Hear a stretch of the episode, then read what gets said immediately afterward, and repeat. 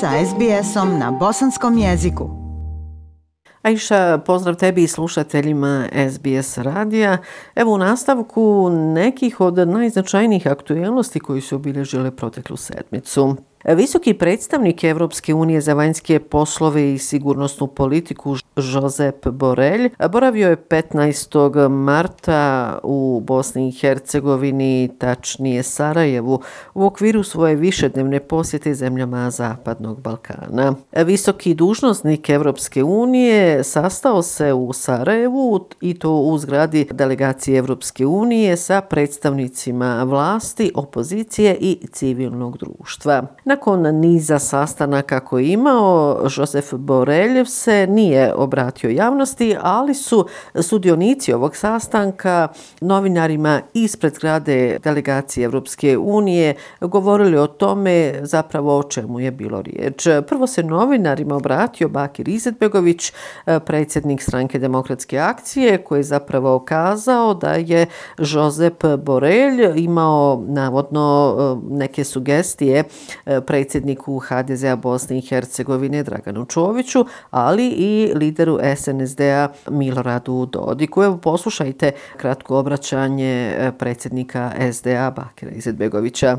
HDZ je konačno pristao na to da se govori o tome da Dom naroda štiti isključivo vitalni nacionalni interes. Ali onda je imao neke svoje zahtjeve o kojima danas neću precizno govoriti. Od gospodina Dodika je opet odana više navrata zatražio da izvrši deblokadu institucija i da odustane od ovoga što radi sa Vladla i Skupštine Republike Srpske. E, novinarima se također obratio i predsjednik SNSD-a Milorad Dodik. Evo i njegove izjave. Evropska politika i posticaja ne može da se odvija selektivno. Nemoguće je očekivati da se to uskrati Republike Srpske. To se skraćuje kao što to rekao Žarkedi prije nekoliko dana. To je problem čitave Bosne i Hercegovine. Pa Ako vi mislite da ćemo mi ovaj, gledati da se nama, da se mi kažnjavamo, a da drugima držimo ruke. Naravno da nećemo. Mi ne mislimo da smo predmeti, da treba da budemo predmet sankcija. Kada je riječ o predstavnicima opozicije koji su bili također odvojeno u, na ovim sastancima sa visokim predstavnikom Evropske unije za vanjske poslove, Josef Boreljom, obratio se novinarima, dakle nakon tog sastanka, predsjednik Srpske demokratske stranke Mirko Šarović i evo šta je on kazao nakon tog susreta. Od Borelija smo jasno čuli da da neće biti projekata financijskih za Bosnu i odnosno za Republiku Srpsku. To je, ja mislim da je to prva rečenica koju je, koju je rekao, što opet s druge strane će da, da trpe građani i to treba da, da imamo na, na, na umu. Aisha, dakle, tokom ovih razgovora naravno bilo je više tema, pa između ostalog i deblokada rada institucija Bosne i Hercegovine, ali i izmjene izbornog zakona. Predsjednik socijaldemokratske partije Bosne i Hercegovine, Nermin Nikšić, e, također se obratio novinarima i evo šta je on upravo kazao oko izmjene izbornog e, zakona. Evo poslušajte dakle Nermina Nikšića. Dobili smo sinoć u nekasnim večernim satima draft izbornog zakona s onim otprilike što e, iz Evropske komisije tvrde da je da je usaglašeno, pošto je to sinoć došlo, jutros uh, radimo na tome, jutros radimo, čitamo, prevelike su ovaj, i tamo imaju i ove tehničke izmjene, imaju neke izmjene koje su se već dogovorili, navodno, oni učesnici uh, u Neumu. A u prijepodnevnim satima, dakle tog 15. marta, visoki predstavnik Evropske unije za vanjske poslove i sigurnosnu politiku Josep Borelj je najprije dakle posjetio operaciju evropskih vojnih snaga na Butmiru koja je posljednjih dana dobila pojačanje te širom Bosne i Hercegovine kako sam već ranije izvijestila raspoređeno 500 vojnika. Ovom prilikom Josep Borelj se obratio brojnim novinarima i dao do znanja da Evropska unija i kako vodi računa o sigurnosti Bosne i Hercegovine. Hercegovine. Evo, poslušajte i e, obraćanje Žozepa Borelja novinarima u Sarajevu. U ovom ključnom trenutku izuzetno je važno prisustvo snaga EUFORA na terenu, a kako bi obezbijedili sigurnost. Upravo iz tog razloga smo i udvostručili naše snage na terenu sa četiri dodatne čete ljudstva. Osnažili smo naše prisustvo i uvjeravam građane Bosne i Hercegovine u naše opredjeljenje za osiguranje mira i stabilnosti u zemlji. Sa jačanjem naših snaga imamo mogućnost da još brže reagujemo u kriznim situacijama. Evropska vizija za Bosnu i Hercegovinu podrazumijeva mir i sigurnost. To je vizija budućnosti, a da bi se budućnost ostvarila potrebno je zaliječiti rane i prevazići ih. Da bi ova vizija budućnosti postala istinska realnost, potrebno je zajedničko udruženo djelovanje svih domaćih aktera. Zato pozivam sve domaće aktere da udruže snage i bez blokada institucija da iskoriste sve ekonomske potencijale i ojačaju funkcionalnost države kroz borbu protiv korupcije i druge mjere. Jeste Dom naroda Parlamentarne skupštine Bosne i Hercegovine zasjedao 16. marta, međutim Dom naroda nije prihvatio da na toj sjednici po hitnom postupku razmatra prijedlog o ukidanju akciza za gorivo. Postojala je opća, ali ne entitetska većina da se ovaj prijedlog razmatra po hitnom postupku.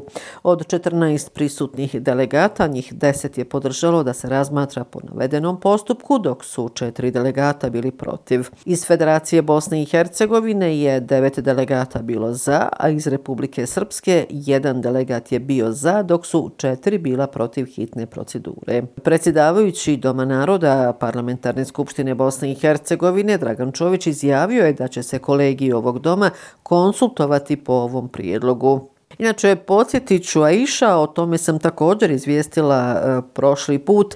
Predstavnički dom parlamenta Bosne i Hercegovine je još ranije prihvatio ukidanje akciza na gorivo.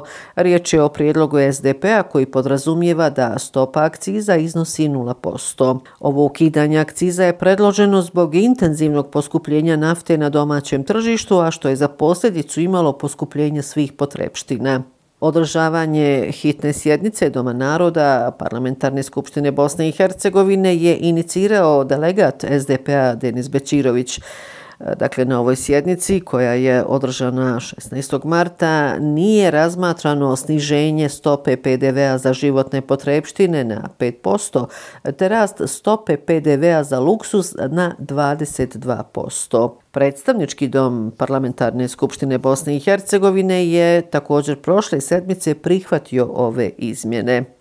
Inače, Dom naroda Parlamentarne skupštine Bosne i Hercegovine bi izmjene stope PDV-a trebao razmatrati 24. marta. Trenutno postoji jedinstvena stopa PDV-a od 17%.